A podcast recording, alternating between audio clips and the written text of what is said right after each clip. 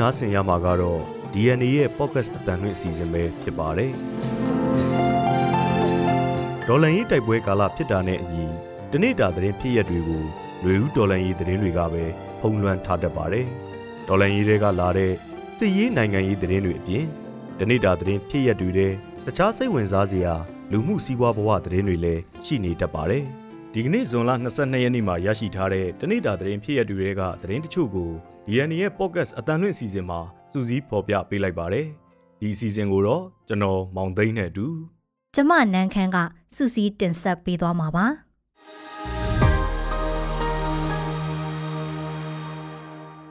အရင်ဦးဆုံးပြောပြချင်တဲ့အကြောင်းအရာကတော့နိုင်ငံပိုင်ဘဏ်နှစ်ခုနဲ့ဂါခွဲရေးဝန်ကြီးဌာနကိုအမေရိကန်ပိတ်ဆို့အရေးယူတဲ့ဆိုတဲ့အကြောင်းကိုပြောပြပေးပါမယ်။ ទឹកကောင်စီထိန်းချုပ်မှုအောက်မှာနိုင်ငံပိုင်ဘဏ်နှစ်ခုနဲ့ဂါခွဲရေးဝန်ကြီးဌာနတို့ကိုပိတ်ဆို့အရေးယူကြောင်းအမေရိကန်နိုင်ငံသားရေးဝန်ကြီးကဇွန်လ22ရက်မှာကြေညာလိုက်ပြီးဒီလိုပိတ်ဆို့တဲ့အပေါ်ပြည်ရင်းတော်လှန်ရေးအင်အားစုတွေကလည်းကြိုးဆိုတယ်လို့ထုတ်ပြန်ထားပါတယ်။မြန်မာနိုင်ငံသားကုန်သွယ်မှုဘဏ် MFTB နဲ့မြန်မာယင်းနှိမ့်မြုပ်နှံမှုနဲ့ကုသန်းရောင်းဝယ်ရေးဘဏ် MICB ဘဏ်တို့ကိုအမေရိကန်ကပိတ်ဆို့အရေးယူဖို့ရှိကြောင်းပြီးခဲ့တဲ့ရက်ပိုင်းကတည်းကသတင်းထွက်နေခဲ့ပြီးလက်ရှိမှာတော့အမေရိကန်အစိုးရကတရားဝင်ကြေညာလာတာပါ။ အခုပိတ်ဆို့အရေးယူလိုက်တဲ့နိုင်ငံပိုင်ဘဏ်နှစ်ခုဟာအာဏာရှင်အဖွဲ့အစည်းကကာကွယ်ရေးဝန်ကြီးဌာနအတွက်နိုင်ငံရက်ခြားကဆက်လက်တဲ့ပစ္စည်းတွေဝယ်ယူရမှာနိုင်ငံခြားငွေကြေးသုံးစွဲမှုအဆင့်ပြေချောမွေ့စီရေးအတွက်အခရာကျတဲ့အဖွဲ့အစည်းတွေဖြစ်တယ်လို့အမေရိကန်နိုင်ငံခြားရေးဝန်ကြီးအန်တိုနီပလင်ကန်ရဲ့ထုတ်ပြန်ချက်မှာဖော်ပြထားပါတယ်။ဒါအပြင် အဲ့ဒီဘဏ်နှစ်ခုဟာသူတို့ရဲ့နိုင်ငံခြားပန်စည်ရင်းတွေကိုအသုံးပြုပြီးမြန်မာနိုင်ငံရဲ့နိုင်ငံပိုင်စီးပွားရေးလုပ်ငန်းတွေကိုနိုင်ငံတကာစည်းကွက်နဲ့အလွယ်တကူချိတ်ဆက်စေနိုင်ခဲ့ကစီးရေးကိစ္စရက်တွေအတွက်အာဏာရှင်အဖွဲ့အစည်းကကောင်းပုံဖြတ်အမျက်ထုတ်နိုင်မဲ့ငွေကြေးအရင်အမြင့်အမြောက်အများကိုပံ့ပိုးပေးခဲ့ကြတယ်လို့ဆိုပါတယ်။အခုလိုအရေးပါတဲ့နိုင်ငံပိုင်ဘဏ်နှစ်ခုပိတ်ဆို့အရေးယူခံရတာကြောင့်မြမစီးပွားရေးလောကမှာစိုးရိမ်မှုတွေရှိနေကြပေမဲ့စစ်ကောင်စီကတော့ဒီလိုပိတ်ဆို့မှုအပေါ်မစိုးရိမ်ကြဖို့နဲ့ အလားတူပိတ်ဆို့ခံရမှုတွေအရင်ကလည်းကြုံခဲ့ပူးပြီးနိုင်ငံခြားပိုင်ဝန်ဆောင်မှုလုပ်ငန်းတွေကိုနှောင့်နှေးရက်တက်မှုမဖြစ်စေဘဲလှုပ်ဆောင်နိုင်ခဲ့တယ်လို့တုံ့ပြန်ထားပါတယ်။အမေရိကန်နိုင်ငံသားရေးဝန်ကြီးရဲ့ထုတ်ပြန်ချက်မှာတော့အာဏာရှင်အဖွဲ့အစည်းကအကြမ်းဖက်မှုတွေကိုတိုးမြင့်ဖို့နဲ့အကြက်အတဲရှိကြစေဖို့အတွက်ဆောင်ရွက်ရမှာနိုင်ငံတကာပန်နာရေးစနစ်ကတဆင့်အမျက်ထုတ်နိုင်မှုကိုကန့်သက်နိုင်ဖို့အတွက်မိဖက်အဖွဲ့အစည်းတွေနိုင်ငံတကာမဟာမိတ်တွေနဲ့အတူဆက်လက်ထိတွေ့ဆောင်ရွက်သွားမယ်လို့ဖော်ပြထားပါတယ်။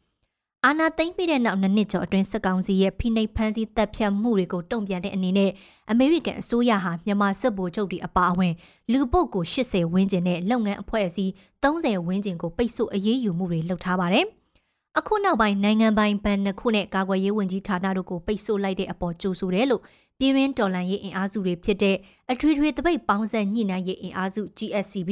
ကမ္ဘာလုံးဆိုင်ရာမြန်မာ့ຫນွေဦးတော်လှန်ရေး GMSR နဲ့ သွေးစွန်းငွေဖြတ်တောက်ရေးလှုပ်ရှားမှု PMC တို့ကမနေ့ကညပိုင်းမှာထုတ်ပြန်ထားပါတယ်။စစ်အုပ်စုရဲ့ငွေကြေးစီးဆင်းမှုတွေတရားဝင်မှုပြုရေးတွေကိုဖျက်တောက်မှသာလက်ရှိဖြစ်ပေါ်နေတဲ့ဖိနှိပ်အကြမ်းဖက်မှုတွေရပ်တန့်စေမှာဖြစ်တာကြောင့်အမေရိကန်နီးတူဥရောပအဖွဲ့အစည်းအာဆီယံနဲ့အိမ်ကြီးချင်းနိုင်ငံတွေကပါလှုပ်ဆောင်ကြဖို့လိုတယ်လို့လည်းတိုက်တွန်းထားပါသေးတယ်။ဒုတိယသတင်းတစ်ပုဒ်အနေနဲ့လူရက်ဓမြမှုတွေကျူးလွန်တယ်လို့ဆွဆွဲထားမှုကဒေါ်လန်ရေးကိုပုံဖြတ်တာလို့တွန်တေး PDF တုံ့ပြန်တဲ့သတင်းကိုပြောပြပေးပါမယ်။ မြောက်ကလာပမြို့နယ်ကမျက်မှောင်ရွှေဆိုင်ဓမြတိုက်မှုအပါအဝင်လူရဲဓမြတိုက်မှုတွေနဲ့ပတ်သက်လို့စစ်ကောင်စီကထုတ်ပြန်ဆွဆွဲထားတာတွေဟာဒေါ်လန်ရေးတပ်ဖွဲ့တွေနဲ့ဒေါ်လန်ရေးကိုပုံဖြတ်လိုတာသာဖြစ်တယ်လို့ PDF တွန်တေးတပ်ဖွဲ့ကဒီကနေ့တုံ့ပြန်ရှင်းလင်းလိုက်ပါတယ်။ပြီးခဲ့တဲ့ရပိုင်းတွင်ကမျက်မှောင်ရွှေဆိုင်ဓမြတိုက်ခံရပြီးတဲ့နောက်ကျူးလွန်သူတွေကိုနိုင်ပိုင်းတွင်ဖမ်းမိခဲ့တယ်လို့စစ်ကောင်စီကထုတ်ပြန်ခဲ့သလိုဖမ်းမိသူတွေဟာတွန်တေးမျိုးပြပျောက်ကြားအဖွဲ့ဝင်တွေဖြစ်တယ်လို့ဆိုထားပါတယ်။ဒါအပြင် ရန်ကုန်နဲ့တွန်တေးမြို့နယ်တွေအတွင်းဓမြတိုက်လူရဲမှုတွေကျူးလွန်ဖို့အတွက်လက်နက်ခဲယမ်းတွေကို PDF တွန်တွေးတပ်ဖွဲ့ခေါင်းဆောင်တွေစီကရယူခဲ့ကြောင်းဖမ်းမိထားသူတွေကထွက်ဆိုတယ်လို့လည်းစစ်ကောင်စီထုတ်ပြန်ချက်တွေမှာဖော်ပြထားပါတယ်။ဒါပေမဲ့ PDF တွန်တေးတပ်ဖွဲ့ဘက်ကတော့မျက်မှောင်ရွှေဆိုင်ဓမြတိုက်မှုနဲ့ဖမ်းဆီးခံထားရတဲ့သူတွေဟာ PDF တွန်တေးတပ်ဖွဲ့ဝင်တွေမဟုတ်ဘူးလို့တုံ့ပြန်ရှင်းလင်းထားပါတယ်။ PDF တွန်တေးတွန်တေးပကဖကိုစတင်ဖွဲ့စည်းချိန်ကစလို့ NUG ကာကွယ်ရေးဝန်ကြီးဌာနရဲ့ကုတ်ကဲမှုအဆင့်ဆင့်ကိုခံယူဆောင်ရွက်နေတာဖြစ်ပြီးတပ်ဖွဲ့ဝင်တွေဟာကိုပိုင်နံပါတ်တွေနဲ့တကွစနစ်တကျဖွဲ့စည်းထားတာဖြစ်တယ်လို့ဖော်ပြထားပါတယ်။ဆက်လက်ပြီးတော့ဖရူဆိုမှာတိုက်ပွဲမရှိဘဲစစ်ကောင်စီလေကြောင်းကဘုံကျဲတယ်ဆိုတဲ့အကြောင်းကိုပြောပြပေးပါမယ်။ကရင်နီကရားပြည်နယ်ဖရူဆိုမြို့အနောက်ချမ်းကကြေးရွာတရွာကိုစစ်ကောင်စီကတိုက်ပွဲမရှိဘဲလေကြောင်းကနေဘုံကျဲတိုက်ခိုက်ခဲ့တယ်လို့ ကရင်နီပြည်လူငယ်များတမကစီကသိရပါဗျစစ်ကောင်စီဟာစွန်လ22ရက်မနေ့ကညတကောင်အချိန်မှာလေကြောင်းကနေ၃ချိန်ဘုံကျဲတိုက်ခိုက်ခဲ့တာဖြစ်ပြီးတိုက်ခိုက်မှုကြောင့်လူသေးဆုံးထိခိုက်မှုမရှိပေမဲ့ပြည်သူပိုင်နေအိမ်၃လုံးထိခိုက်ပျက်စီးသွားတယ်လို့သိရပါဗျ။စစ်ကောင်စီနဲ့ဒေါ်လာရေးတပ်ဖွဲ့တွေကြားစစ်ရေးအရှိန်မြင့်တက်နေတဲ့ကရင်ပြည်ဒေသတွင်းနေရာအနှံ့မှာစစ်ကောင်စီကအခုလိုဘုံကျဲတိုက်ခိုက်မှုတွေဆက်တိုက်လုပ်နေတာပါ။ စစ်ဆောင်စခန်းတွေအပါအဝင် လူနေရက်ွက်ကြေးရွာတွေကိုပါစစ်ကောင်စီကလေကြောင်းတိုက်ခိုက်မှုတွေအချိန်အခါမရွေးလှုပ်လေရှိတာကြောင့်လူသေးဆုံးထိခိုက်မှုတွေလည်းရှိခဲ့ပါတယ်။ဒေါ်လန်ရေးကာလကြာမြင့်လာပြီးတဲ့နောက်ဒေသတွင်းဒေါ်လန်ရေးတပ်ဖွဲ့တွေနဲ့ဒေသခံလူထုတွေဟာလေကြောင်းအန်ဒီရဲ့တတိပေးမှုတွေကိုအမြဲတက်လန့်ထားတာကြောင့်အခုနောက်ပိုင်းမှာတော့လေကြောင်းတိုက်ခိုက်မှုကြောင့်သေဆုံးထိခိုက်မှုတွေလျော့ကျလာတဲ့အခြေအနေရှိနေပါတယ်။နောက်ထပ်သတင်းတစ်ပုဒ်အနေနဲ့ကလေးမျိုးမှာလက်နက်ကြီးထိလို့ ကလေးတဦးသေဆုံးပြီးမိသားစုဝင်တချို့ဒဏ်ရာရတဲ့သတင်းကိုပြောပြပေးပါမယ်။စကိုင်းတိုင်းကလေးမျိုးနဲ့9မိုင်လောက်အကွာကအနောက်တာဆန်ရွာကိုစစ်ကောင်စီတပ်ကတိုက်ပွဲမရှိဘဲဇွန်လ22ရက်မနေ့ညက80မမလက်နက်ကြီးနဲ့ပစ်လို့ကလေးငယ်တဦးသေဆုံးပြီးမိသားစုဝင်တွေဒဏ်ရာရတယ်လို့ဒေသခံတွေကပြောပါတယ်။ကလေးနည်းပညာတက္ကသိုလ်ဝင်းအတွင်းမှာတက်ဆွဲထားတဲ့စစ်ကောင်စီတပ်ကမနေ့ကညပိုင်း9နာရီလောက်မှာလက်နက်ကြီးနဲ့ပစ်ခတ်ခဲ့တဲ့အတွက်အဲ့ဒီကျေးရွာကနေအိမ်ချမ်းဝင်းအတွင်းကြားရောက်ပောက်ကွဲခဲ့တာလို့သိရပါတယ်။ လက်နက်ကြီးကြီးကြားရောက်ပောက်ကွဲမှုကြောင့်နေအိမ်ထဲအိတ်နေတဲ့မိသားစုဝင်တွေတဲက10နှစ်အရွယ်ကလေးတဦးသေဆုံးခဲ့တယ်လို့6နှစ်သားကလေးတဦးလည်းစိုးရင်ရတဲ့ပြင်းထန်ဒဏ်ရာတွေရထားတယ်လို့ဒေသခံတွေကပြောပါတယ်။လက်နက်ကြီးပေါက်ကွဲတဲ့အရှိန်ကြောင့်အဲ့ဒီအိမ်မှာရှိနေတဲ့မိသားစုဝင်၄ဦးအနက်ကလေးငယ်တဦးဟာဥကောင်းပြက်ပြီးသေဆုံးသွားတယ်လို့6နှစ်သားကလေးငယ်ကတော့နှစ်ဖူးထိမှန်တဲ့အတွက်စိုးရင်ရပြီးမိခင်ဖြစ်သူကတော့ခြေထောက်ပြက်ကမိန်းကလေးငယ်တဦးလည်းဒဏ်ရာရရှိခဲ့တယ်လို့သိရပါတယ်။ ဒဏ်ရာရရှိသူတွေကိုဒေသခံကာကွယ်ရေးစေးအဖွဲ့ကညာရင်းချင်းတွားရောက်စေကူတာမှုပေးခဲ့ပြီးဒီမနက်လဲတခြားစေးအဖွဲ့တစ်ဖွဲ့ကအလှည့်ကျစောင့်ရှောက်မှုပေးနေတယ်လို့သိရပါဗျ။စစ်ကောင်စီတပ်ရဲ့လက်နက်ကြီးပစ်ခတ်မှုတွေကြောင့်ကလေးမျိုးနယ်တောင်ဘက်ကတာစီဇင်ကလင်ချင်းဆိုင်ထိုမာတာယာကုန်းထောက်ကြန့်ကြေးရွာစတဲ့ကြေးရွာတွေကယာနဲ့ချီတဲ့ဒေသခံတွေဟာဘေးလွတ်ရာကိုတိမ်းရှောင်နေကြရပါတယ်။နောက်ဆုံးအနေနဲ့ဗန်နှစ်ခုဒဏ်ခတ်ပိတ်ဆို့ခံရပြီးတဲ့နောက် စစ်ကောင်စီကနေပြည်တော်မှာအရေးပေါ်အစည်းအဝေးခေါ်ယူဖို့ပြင်နေတယ်ဆိုတဲ့အကြောင်းကိုပြောပြပေးပါမယ်။အရေးပါတဲ့နိုင်ငံပိုင်ယင်းနှိမ့်မြုပ်နှံမှုနဲ့ကုန်သွယ်မှုပန်တစ်ခုကိုအမေရိကန်နိုင်ငံကပိတ်ဆို့တန်ခတ်ကြောင်းကြေညာပြီးတဲ့နောက်မှာအဲ့ဒီအခြေအနေကိုတုံ့ပြန်နိုင်ဖို့အရေးပေါ်အစည်းအဝေးတရက်ခေါ်ယူဖို့စစ်ကောင်စီကပြင်ဆင်နေတယ်လို့အမည်မဖော်လိုတဲ့ဗဟိုဘဏ်သတင်းရင်းမြစ်တွေစီကသိရပါဗျ။လက်တလုံးမှာဖြစ်ပေါ်လာနိုင်တဲ့အကျိုးဆက်တွေကိုကြိုတင်ကာကွယ်ဖို့စစ်ကောင်စီကဗဟိုဘဏ်အပါအဝင်ထိတ်တန်းလုပ်ငန်းရှင်တချို့ကိုခေါ်ယူပြီး စီးပွားရေးတန်ခတ်မှုကိုထိန်းညှိတုံ့ပြန်ရေးအစည်းအဝေးခေါ်ယူဖို့ပြင်ဆင်နေတာလို့အဲ့ဒီသတင်းရင်းမြစ်တွေကပြောပါတယ်။စက်ကောင်စီလက်အောက်ခံ MFTB နဲ့ MICB ဘဏ်နှစ်ဘဏ်ကိုအမေရိကန်ကစီးပွားရေးပိတ်ဆို့ဒဏ်ခတ်ကြောင်းဆွန်လ22ရက်ညဦးပိုင်းကတရဝင်းကြေညာပြီးတဲ့နောက်မှာပြည်ရင်းဒေါ်လာစိမ်းစံချိန်တင်မြင့်တက်သွားနိုင်ခဲ့ပြီးစစ်အုပ်စုရဲ့လက်နက်ဝယ်ယူရေးအပိုင်းတွေမှာအခက်အခဲတွေဖြစ်သွားနိုင်တယ်ဆိုတဲ့သုံးသပ်မှုတွေလည်းရှိနေတာပါ။ပိတ်ဆို့ခံလိုက်ရတဲ့မြန်မာနိုင်ငံခြားကုန်သွယ်မှုဘဏ် MFTB နဲ့မြန်မာယင်းနှိမ့်မြုပ်နှံမှုနဲ့ကုသန်းရောင်းဝယ်ရေးဘဏ် MICB ဘဏ်တို့ဟာနိုင်ငံခြားငွေလဲလှယ်မှုကိုအတိအကလှုပ်ဆောင်ကြပြီးကျပ်ငွေကိုအမေရိကန်ဒေါ်လာနဲ့ယူရိုတို့ကိုပြောင်းလဲလှုပ်ဆောင်ပေးတဲ့နိုင်ငံပိုင်ဘဏ္ဍာရေးအဖွဲ့အစည်းဖြစ်ပါတယ်။တက်ကြွလှုပ်ရှားသူတွေမကြာခဏတောင်းဆိုနေတဲ့စက်ကောင်စီရဲ့ MOGE ဝင်ငွေတွေဆက်လက်နဲ့ဝယ်ယူမှုဆိုင်ရာကိစ္စရပ်တွေမှာအဲ့ဒီဘဏ်တွေကိုအသုံးပြုခဲ့တာကြောင့်အမေရိကန်နိုင်ငံကမနေ့ကမြန်မာစံတော်ချိန်ညဦးပိုင်းမှာအရေးယူတန်းခတ်ကြောင်းထုတ်ပြန်ကြေညာလိုက်တာပါ အမေရိကန်ဟာအရက်ဖက်အဖွဲ့အစည်းတွေနဲ့ဒေါ်လာရေးအင်အားစုတွေအကြိမ်ကြိမ်နှိုးဆော်တိုက်တွန်းမှုတွေထဲကကိစ္စရက်တစ်ခုကိုအကောင့်အထည်ဖော်လိုက်တာဖြစ်လို့စစ်အုပ်စုအတွက်တော့အကြီးအကျယ်ထိခိုက်နစ်နာနိုင်တယ်လို့မြန်မာအရေးတက်ကြွလှုပ်ရှားသူတွေကသုံးသပ်ထားကြပါတယ်အခုနိုင်ငံတကာသတင်းအစီအစဉ်ကိုကိုမောင်သိန်းကဆက်လက်တင်ဆက်ပေးပါမယ်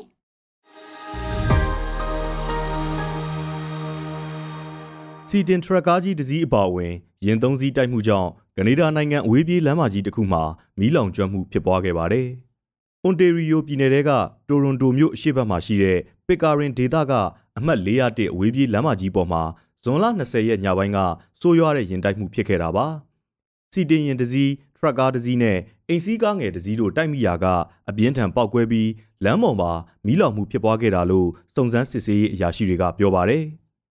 ဒီဖြစ်စဉ်မှာလူနှစ်ဦးသေဆုံးခဲ့ပါတယ်။အရန်မီလောင်လွယ်တဲ့ဓာတုပစ္စည်းတွေတင်ဆောင်လာတဲ့စီတင်ရင်ကြီးဟာဗရိတ်ပေါက်ရာကနေဂုံတရာတစ်ခုပေါ်ကျော်ပြီးအောက်မှာရှိနေတဲ့တခြားကားတွေပေါ်ကျသွားခဲ့တာလို့သိရပါတယ်။အဲဒီနောက်တင်လာတဲ့ဓာတုပစ္စည်းတွေကိုမီးဆွဲလောင်ပြီးအပြင်းထန်ပောက်ကွဲခဲ့တာပါ။ဒီမတော်တဆမှုကြောင့်အဝေးပြေးလမ်းပိုင်းကိုပိတ်ထားခဲ့ရပြီးတငွေ့ငွေ့ဆွဲလောင်နေတဲ့မီးတွေကိုနိုင်ပေါင်းအတော်ကြာအချိန်ယူနှိမ့်သက်ခဲ့ရပါတယ်။ ဖြစ်စဉ်နဲ့ပတ်သက်လို့စုံစမ်းစစ်ဆေးမှုတွေဆက်လက်လှုပ်ဆောင်နေစေလို့အွန်တေရီယိုရဲတပ်ဖွဲ့ကကြေညာထားပါတယ်။ကမ္ဘာပေါ်မှာအကြီးမားဆုံးဖြစ်လာမဲ့ဇိန်ခံခရုစ်သင်္ဘောကြီးရဲ့ပင်လယ်ပြင်စမ်းသပ်မောင်းနှင်မှုခီးစဉ်ကိုအစပြုနေပြီလို့သိရပါတယ်။အခုသတင်းပတ်စောပိုင်းတုန်းကဖင်လန်နိုင်ငံတာကူစိတ်ကမ်းမှာရှိတဲ့မေယာတာကူသင်္ဘောချင်းကနေ Icon of the Sea ဇိန်ခံခရုစ်သင်္ဘောကြီးကို ပင်လယ်ပြင်စီစတင်စမ်းသပ်ခုတ်မောင်းနေတာတွေ့ရပါတယ်။ Royal Caribbean International Company ဟာပထမဦးဆုံးတဘာဝဓာတ်ငွေ့ရည်လောင်စာသုံး cruise သင်္ဘောကြီးအဖြစ် Icon of the Sea ကိုတည်ဆောက်ထားခဲ့တာပါ။ဒီသင်္ဘောကြီးဟာ365မီတာရှည်လျားပြီးဒင်းပြည့်ကြက်ပြည့်ဘောလုံးဝင်း3ခုခွဲကိုစတ်ထားသလောက်ပမာဏမျိုးရှိနေပါတယ်။သင်္ဘောရဲ့အနံကတော့မီတာ90ဝန်းကျင်လောက်ထိကျယ်ပါတယ်။သင်္ဘောကြီးကိုခုတ်မောင်းဖို့အတွက်ဒီဇယ်စီရောတဘာဝဓာတ်ငွေ့အရေးကိုပါအသုံးပြုနိုင်တဲ့ အားကောင်းလှတဲ့အင်ဂျင်ကြီး6လုံးကိုတပ်ဆင်ထားပါတယ်။သင်္ဘောပေါ်မှာတော့အဆင့်အမြင့်ဆုံးနည်းပညာတွေအချက်ပြနဲ့ဆက်သွယ်ရေးစနစ်တွေအပန်းဖြေဇုံတွေနဲ့အဆင့်အမြင့်ဆုံးတန်ဖိုးကြီးဇိမ်ခံဧရိယာတွေကိုထည့်သွင်းထားပြီးသင်္ဘောခုံမောင်းမှုကထွက်လာမဲ့ညဉ့်ညမ်းတန်းငွေပမာဏကိုအ ਨੇ ဆုံးထိလျှော့ချနိုင်အောင်တည်ထွင်ထားပါတယ်။ Icon of the Sea ရဲ့ကိုယ်တွေကိုတိစောက်ပြီးတဲ့နောက်တဘာဝတန်းငွေအရေးသုံးအင်ဂျင်တွေတက်ဆင်ဖို့ကာလရှည်ကြာအချိန်ယူစီစဉ်ခဲ့ပါတယ်။ ပင်လယ်ပြင်စမ်းသပ်ခုံမောင်းမှုရလဒ်တွေအားလုံးကျေနပ်စရာဖြစ်လာရင်တော့ Icon of the Sea ရဲ့ပထမဦးဆုံးခီးစဉ်ကိုလာမယ့်နှစ်ဇန်နဝါရီလမှာစတင်ဖို့ရည်ရွယ်ထားပါတယ်။လောလောဆယ်မှာတော့ Icon of the Sea နဲ့ပုံစံတူသင်္ဘောနှစ်စီးကိုလည်းတိစောက်နေပြီး2025နဲ့2026ခုနှစ်တွေမှာအသီးသီးအပြည့်သက်နိုင်မယ်လို့ယုံကြည်ရပါတယ်။ဆက်လက်ပြီးတော့ကြပြားဆရာအေမွန်ကဝိတုတူတပုတ်ကိုဖတ်ပြပေးထားပါတယ်။ အားလုံးပဲမင်္ဂလာပါ။ကျွန်တော်ကကြပြားဆရာအေမွန်ဖြစ်ပါတယ်။ကျွန်တော်အခုရွတ်ဖတ်ပေးမဲ့ဝိတုတူလေးကတော့တိုက်ဆရာမောင်ဘူဦးရေးသားတဲ့တာဝရင်သာကစိုက်ကားသမားဆိုတဲ့ဝတ္ထုတို့ဖြစ်ပါတယ်။အဲ့ဒီဝတ္ထုကိုຫນွေပွတ်တဲ့မဂ္ဂဇင်းအမှတ်၈မှာဖော်ပြခဲ့တာဖြစ်ပါတယ်။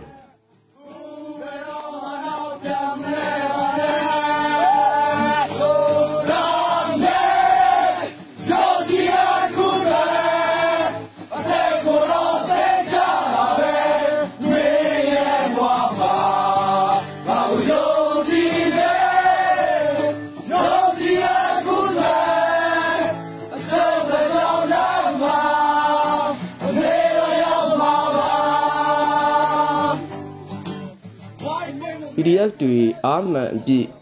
တံပြိုင်ဟဲနေကြတဲ့ဗီဒီယိုကလစ်တစ်ခုကို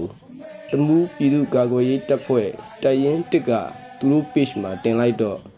လွန်ခဲ့တဲ့တစ်နှစ်ကျော်ကိုကျွန်တော်ပြန်လွမ်းသွားတယ်။အဲဒီတော့ကတရင်တစ်တရင်နှစ်ရလို့တရင်တွေလည်းခွဲမထားသေးပါဘူး။တော်လိုင်းအင်အားစုတွေတစုတစည်းတဲ့စစ်ပညာတွေတင် जा ခဲ့ကြတာပေါ့။တင်နန်းကွင်းနေရာက ဝါစခန်းဝယုံပင်တွေပတ်လည်ဝိုင်းနေလို့လွယ်တကူပဲဝါစခန်းလို့ခေါ်လိုက်ကြတာပါပဲဝါစခန်းမှာ15ရက်ပဲကြာခဲ့တယ်တင်နန်းအရှိန်တက်နေချိန်တင်နန်းသားတွေနဲ့တင်နန်းဆရာတွေဥကတ်စည်းဝင်ပြီးမန်သွေးအတွက်ကြွဆုံးအချိန်မှာပဲအကြောင်းအရာတစ်ခုကြောင့်ဝါစခန်းကိုရုတ်တရက်ကြီးစွန့်ခွာလိုက်ကြရတယ်တကယ်ကိုတန့်ငင်ဟာတာကြီး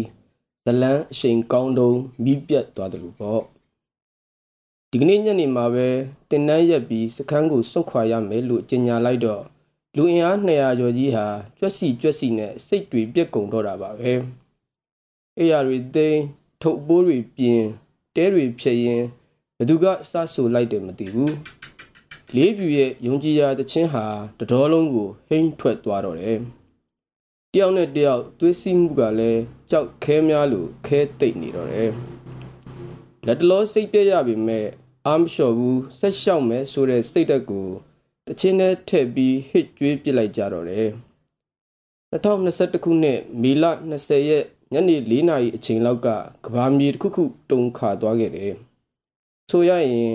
မြန်မာအိန္ဒိယနယ်စပ်တကြောကတမူးတော်လိုင်းအင်အားစုတွေတံပြိုင်အော်ဟစ်လိုက်တဲ့တချင်းတန်ကြောက်ပါပဲ။ ညနေမှောင်ရီပြိုးစမှာတော့ဒေသခံလူမျိုးစုတွေရဲ့လမ်းပြခေါ်ဆောင်မှုနောက်စစ်ကြောင်းတီတီခွဲရင်200ကျော်လူအုပ်ကြီးဟာတက်ဖြောက်နေကြရတော့တယ်ဘယ်ချိန်မှဒီလူတွေပြန်စုစည်းပြီးတင်းနှန်းပြန်စပစ်မလဲဆိုတာအဲ့ဒီတုန်းကဘသူမှလည်းရေရရာမသိနိုင်ကြဘူးလေခုတော့ဝါစခန်းကိုစွန့်ခွာလာခဲ့တာလဲတစ်နှစ်ကျော်ကြာခဲ့ပြီဝါစခန်းနေရာဟောင်းကိုလည်းပြန်မသုံးပြတော့ဘူး နေမြေစုံမျိုးမှုတွေရရှိပြီးကိုတက်ရင်းနဲ့ကိုတင်နှန်းနဲ့ဖြစ်သွားကြပြီလူ200ကျော်ကလည်းအဆဆပွားလို့ရဲဘော်တွေမြတ်ပြခဲ့ပြီတစုတစည်းတနေရာတည်းမဟုတ်ကြတော့ကိုတက်ရင်းနဲ့ကိုနယ်မြေနဲ့ဖြစ်သွားကြပြီတချို့ရဲဘော်တွေလည်းမှန်တရားအတွက်အသက်တွေကိုပေးဆက်သွားကြပြီပေါ့မှတ်မိသေးတယ်တင်နန်းစတက်ကြတော့ရဲဘော်တွေဟာစိတ်တွေအလင်းလုံးနေကြတာလေ ပြစ်မဲ့ပြည်သူတွေအတွက်စစ်ခွေးတွေကိုလက်စားပြန်ချေခြင်းတဲ့စိတ်တွေများနေကြတာမိချောင်းသွားတွေကျိုးရန်ဖြတ်ကျော်တာတွေဘာရန်ခိုကူးတာတွေဘာတွေညာတွေအချိန်ကုန်မခံကျင်ကြဘူးတနက်အဖြုတ်တက်နဲ့တနက်ပစ်ပဲလေ့ကျင့်ကျင်နေကြတာတနက်ပစ်တက်ရင်ပြီးရောခွေးတွေကိုတွားပစ်တော့မှတကယ်ကဲပေါ့စစ်ပညာနဲ့ဝေးကြီးမှရှိကြတဲ့တမန်ပြည်သူတွေဆိုတော့စစ်ပညာကို အလေးထားရကောင်းမှမသိကြဘူးဒါမှမဟုတ်သိပေမဲ့မခံကျင်စိတ်နာကြီးစိတ်တွေများပြီးစိတ်လောကြတာလဲပါမှာပေါ့အများစုရင်ထဲမှာလဲဒီတော်လန်ရေးကြီးဟာ၄၅6လအတွင်းအနိုင်ရလိမ့်မယ်လို့ယုံကြည်နေကြတာတိုင်းပြည်တစ်ပြည်လုံးလဲတော်လန်ရေးစိတ်ဓာတ်တွေအုံအုံထနေကြတာကိုငါးလပိုင်းချစ်ချစ်တောက်နေပူကြီးထဲမှာချွေးတွေရွှဲသူရွှဲမူးလဲသူမူးလဲ ဒါပေမဲ့ဇွဲကတော့မလျှော့ကြဘူးတင်နန်းကလည်းတနေကုန်ပေးတာဆိုတော့စားချိန်နဲ့အိတ်ချိန်လေးပဲနားကြရရှာတယ်ရဲဘော်တွေခမအသားတွေလည်းမဲတဲ့လို့ပေါ့လေငကူမဲတဲ့ကောင်တွေကပြောကြတယ်ကျွန်တော်တို့ကြတော့မဲယုံနေမကဘူးဂျိုးပါကတ်သွားတာတဲ့ရေးတဲ့အရှုံးကဖောက်ကြသေးတာသားမဲလို့ဂျူးကတ်တာတော့ကတ်ဆန်းပါစီလေတစ်ခွေးတွေလိုအဝေးစီငရဲမှာဂျူးမကတ်ရင်ပြီးရောပေါ့ တော်လန်ရေးတော်လန်ရေးဆိုပြီးတကြောင်တည်းသောစိတ်နဲ့ဒီခဲ့ကြတော့ကအချိန်တွေပေါ့ကြာလာတော့ပူပြီးချင့်ချိန်တက်လာတယ်ချိန်ဆတက်လာတယ်စောစောကလိုခံစားမှုဦးစားပေးလွန်းတာမျိုးတွေမဟုတ်တော့ခံစားမှုနဲ့ဉာဏ်ပညာကိုရောဆက်ပြီးပိုကောင်းအောင်နေတတ်ခဲ့ကြပြီချိန်ချိန်ဆဆရှေ့ဆက်နိုင်မှရေရှည်ခရီးမှာပါနိုင်မယ်လေလက်ဝိပွဲလို3မိနစ်ထိုး2မိနစ်နာမဟုတ် MMA ပြိုင်ပွဲလို9မိနစ်ထိုး2မိနစ်နာမဟုတ်3ကြီးမဟုတ်5ကြီးမဟုတ်ဘောလုံးပွဲလိုမိနစ်90ပွဲဖြစ်သွားပြီချီနေမပေးရင်မိနစ်90ပွဲတွေတရားဒီလုံးကန်ရတော့မှာတင်နန်းတွေပြီးလို့နေရာထိုင်ကွင်းတွေပြင်ဆင်တပ်စခန်းနေရာတွေအထိုင်ကျတော့အသွေးသားနဲ့တိဆောက်ထားတဲ့မောင်တွေအလွမ်းကတောင်းဆိုလာကြပြီလေကြံခဲ့သူကိုလွမ်းခြံခဲ့သူကိုလွမ်းပေါ့ ထူးသဖြင့်အိမ်တော်ရှိတဲ့မောင်တွေကပိုဆိုးတာပေါ့အိမ်သူတထားရဲ့အငွေအသက်ကိုပွတ်ဖက်ခြင်းစိတ်တွေတန်းတလာတော့တယ်ပြေးဟဲလွှားဟဲရုံးဟဲကန်ဟဲတရက်စက်ကြီးလှုပ်ရှားနေရတော့ကဘယ်သတိရလိမ့်မလဲတောကိုကျော်တောင်ကိုဖြတ်တရက်တာခကြီးတွေနှင်းနေတော့ကမောရာနဲ့မောရာပဲလွှမ်းမိုးနေတာကိုအဲ့ရအချင်းကျက်တွေတဲ့ညီကိုရဲဘော်တွေအပြုတ်အသိအိတ်လို့သူ့အလွမ်းကိုလွမ်းဖလှယ်ရင်းအပန်းဖြေကြရတယ် ထိုင်ကြလို့နားကျင်လေးတွေရတော့တက်ဆိုင်ရာတက်စကန်တာဝန်ခံကိုခွင်တောင်းပြီးအင်သူတထားတွေနဲ့ချင်းပွဲကြီးတွေကျင်းပကြတော့တာပေါ့ကျွန်တော်တို့အုပ်စုတွေပထမဆုံးလမ်းဖောက်သူက11ဆိုတဲ့ရဲဘော်ပေါ့မိုးရေးမြူတဲ့ဘယ်ဟိုတယ်ကတော့အခန်းယူလို့ရတယ်လဲဆိုလိုက်ရောတယောက်တလက်အခန်းယူလိုက်ကြတာပွဲတော်ကြီးကိုကြာနေတော့တာပါပဲဟိုတယ်ဆိုလို့မြန်မာပြည်ရဲ့ကဟိုတယ်တွေလိုခန်းခန်းနားနားကြီးတွေမထင်လိုက်ပါနဲ့အောင် တမန်တဲဟူကန်တွေကိုလည်းသူတို့ကဟိုတယ်လို့ရေးထားကြတာပါပဲနောက်ပြီးတော့ရှိသေးတယ်အဖေးဆိုင်ကိုလည်းဟိုတယ်လို့ရေးတယ်စားတောက်ဆိုင်ကိုလည်းဟိုတယ်လို့ရေးတယ်တခါသားကျွန်တော်တို့တဲကကင်ဂျုံအန်ဟာဘသူကမှအတိမပေးပဲသူ့ကောင်မလက်ဆွဲပြီးဟိုတယ်သွားတာရတဲ့ဆိုင်ဘုတ်ကဟိုတယ်စကလုံးမြင်ပြီးအခန်းရလာမေးတော့မှစားတောက်ဆိုင်ဖြစ်နေတော့တာပေါ့ကျော်ကျင်နဲ့ကောင်ခံရပေါ့သူခိုးလို့တာလူမိသွားရော ခောက်ရည်စိတ်လာကြတော့လဲဟိုတယ်ကမတက်နိုင်ကြတော့ပြန်ဘူးခောက်ရည်စိတ်ဆိုတမူးမျိုးနဲ့မူရီမျိုးကဝေးမှမဝေးပဲကိုတွေ့ဖို့လဲအခွင့်သာအသွားအလာလဲလွယ်သေးတော့ပတ်စံကကုန်ပြီပေါ့ကျွန်တော်ကတော့ချို့တဲ့တဲ့ရဲဘော်လည်းဖြစ်နှစ်လသုံးလကြာလို့မှမိသားစုတွေပြန်မဆုံရသေးဘူးဆိုရင်ဟိုတယ်ကကူညီတယ်မဖိုးပေးတယ်ရက်တိုက်ပေးလိုက်ရတာထက်ပိုကောင်းတဲ့ခံစားချက်ကိုရတယ် သူတို့မိန်းမတွေနဲ့အတူသူတို့ကလေးလေးတွေလည်းပါလာတတ်တယ်တချို့ဆိုအခါလေကလေးတွေတချို့ဆိုနှစ်နှစ်သုံးနှစ်အရွယ်ကလေးတွေသူတို့အဖေရဲဘော်များတခုခုဖြစ်ခဲ့ရင်လို့တွေးလိုက်ရင်ခေါင်းတွေမူးနောက်ပြီးမွန်းကျက်ပိတ်ဆို့သွားတယ်အဲ့ဒီအတွေးကိုအမြန်ဖြောက်ရတယ်မဖြစ်လာသေးတဲ့ခံစားနာကျင်မှုတွေကိုကြိုတင်မောင်းထုတ်ထားမှနေလို့ရမှာလောလောဆယ်တော့ပင်မဒုက္ခတွေဘေးချိတ်ချစ်ရသူမိသားစုအရေးမှာခဏတာချွေးသိပ်ဖို့လိုတယ်လေ မိမနဲ့ရမဆုံရသေးတဲ့အိမ်အောင်တဲ့ရဲဘော်တချို့ကိုလည်းအမြန်တွေ့တဲ့အကြောင်းတိုက်တွန်းပြတယ်။သမီးစားရှိတဲ့ရဲဘော်တချို့ကိုလည်းယူမဲဆိုယူပစ်လိုက်ဖို့လောဆော်မိတာပါပဲ။တကယ်လည်းယူပစ်ကြတယ်။ဇုံတွဲနှစ်တွဲကိုဆိုရင်ကျွန်တော်ကိုယ်တိုင်ပဲမင်္ဂလာပိတ်သိမ့်မြှောက်ပေးလိုက်တယ်။နှိမ့်မြင်ညပြောက်ကာလာကြီးမှာချစ်ချင်းမြတ်တာဆိုတာနောက်ကျလို့မှမကောင်းတာ။ နေဆန်မြင်းတစ်လျှောက်ကရွာကလေးတွေမှာသူနှစ်ကိုနေလောက်တဲ့အိမ်ကလေးတွေငှားရှည်တန်းကနေခွင့်ယူပြီးချစ်ရသူနဲ့ပြန်နာကြတာတွေရှိလာတယ်။ဟိုတယ်မှာလိုပတ်စံလည်းမကုန်ပြီးတော့ကိုအိုးကိုအိမ်ခံစားမှုမျိုးပြန်ရတယ်လေ။အင်္ဂလိပ်တအိမ်ဆိုရင်ရဲဘော်ဇုံတွေတွေကိုတော်တော်ဧည့်ခံပေးတယ်။ပန်ရှင်မိသားစုကတလမှာတစ်ခါရတောင်လာတယ်မရှိတော့ချိန်ရှိသူအားနေတဲ့သဘောဖြစ်နေတာပေါ့။အင်ရှင်ကကျွန်တော်အသည့်လူပြိုကြီးစီမှာအိမ်တော့အပ်ထားတာ။ လူပြိုကြီးကကိုပြောလို့ရတဲ့သူဖြစ်နေတော့အဲ့ဒီအိမ်တော့ကကိုတော့ဖြစ်နေကြရောဒါကိုသိတဲ့ဆာလောင်သူရဲဘော်မောင်တွေကဖုံးဆက်အကူအညီတောင်းကြတော့တာပေါ့အဲ့ဒီကစကျွန်တော်မှာစီစဉ်သူမအေးဝင်းကြီးကိုဖြစ်လို့ကျွန်တော်လည်းမငင်းပါဘူးစီစဉ်ပေးတယ်ပွဲချိန်နီးတဲ့ကောင်းတွေကိုခဏဆိုင်းငံ့ခိုင်းပြီးပွဲကြီးဝေးတဲ့ကောင်းတွေကိုဦးစားပေးရတာပေါ့သူများအိမ်ကိုတန့်ချင်းချင်းပြန်ထားပေးဖို့မပြတ်မကွက်မှားရသေးတာလည်းပါပြီတပေါ့ ဒီလိုနဲ့ကျွန်တော်မှာအောင်သွေတော်ပိုးရွှေလာမင်းသို့မဟုတ်စီစဉ်သူမအေးဝင်းကြီးဖြစ်လို့နေရတယ်။တညက်နေသားမှာတော့ကျွန်တော်ထွေကြီးမျိုးကြီးတို့မိုးအေးအေးကလေးတွေဝိုင်းဖွဲ့ဝေကြီးတုံးဒီအကြောင်းလေးတွေပြောပြတယ်။မောင်ထွေကြီးကခေါင်းကလေးမော့ဆက်လစ်ကလေးဖွာရင်ကျွန်တော်ပြောတာတွေနားထောင်လို့ပေါ့။ငါဒီလောက်အောင်သွေပေးနေတာနောက်ဘဝကြရင်ဒါဝရင်သားမှာကြားမင်းကြီးများဖြစ်မလားမသိဘူးလို့ပြောမိတယ်။ ဒါကိုပြောတော့ကျွန်တော်တို့ပြောသမျှကိုသာအမြဲနားထောင်လေးရှိတဲ့မောင်မျိုးကြီးစီကအတန်ထွက်လာပါရောမုံရွာမှာစိုက်ကားသမားဖြစ်နေရင်ဘယ်နဲ့လုံမလဲတဲ့မုံရွာသားကမုံရွာအထာပြောလိုက်တော့ကို့ဖီလင်လေးတောင်ငုတ်သွားတယ်ဒါဝရင်သားမှာကြားမင်းဖြစ်ဖြစ်မုံရွာမှာစိုက်ကားသမားဖြစ်ဖြစ်ချစ်သူတို့အစဉ်ပြေသွားတဲ့အခါကျွန်တော်ပျော်ပါတယ်